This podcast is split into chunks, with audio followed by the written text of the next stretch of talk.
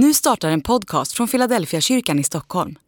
Om du vill komma i kontakt med oss, skriv gärna ett mejl till hejfiladelfiakyrkan.se. Dag 274. Grå eller ljummen? Men Andens frukter är kärlek, glädje, frid, tålamod, vänlighet, godhet, trofasthet, ödmjukhet och självbehärskning. Mot sånt vänder sig inte lagen. Galaterbrevet kapitel 5, vers 22 och vers 23.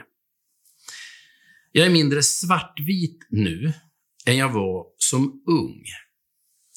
Jag tyckte att frågorna var mycket enklare förr. Det var lättare att säga vad som var rätt och vad som var fel, vad som var sant och vad som var falskt. Numera är jag mer försiktig med att säga vad som är rätt och vad som är fel, vem som har Guds välsignelse och vem som inte har den.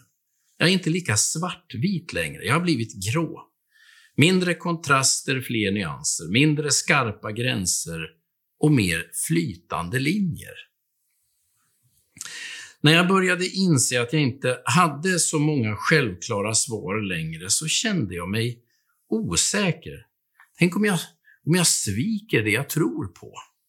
Tänk om, det är just, tänk om det är just en svartvit verklighet som är själva målet?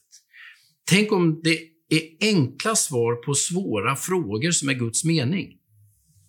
Ganska snart insåg jag att det varken är Bibelns avsikt eller Guds vilja. Numera är jag ganska bekväm att vara grå. Lite, lite diffus och inte, inte så kategorisk. Det jag däremot fruktar, det är att bli ljummen. Att inte älska av hela mitt hjärta.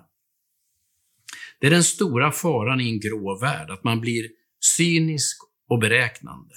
Att man distanserar sig och blir en betraktare.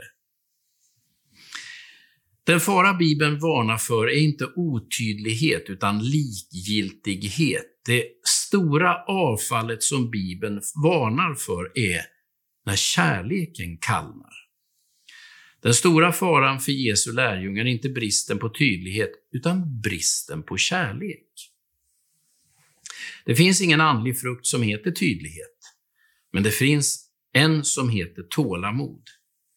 Det finns ingen andlig frukt som heter kategorisk, men det finns en som heter kärlek. Frågan du ska ställa dig är inte om du har blivit grå, utan om du har blivit ljummen.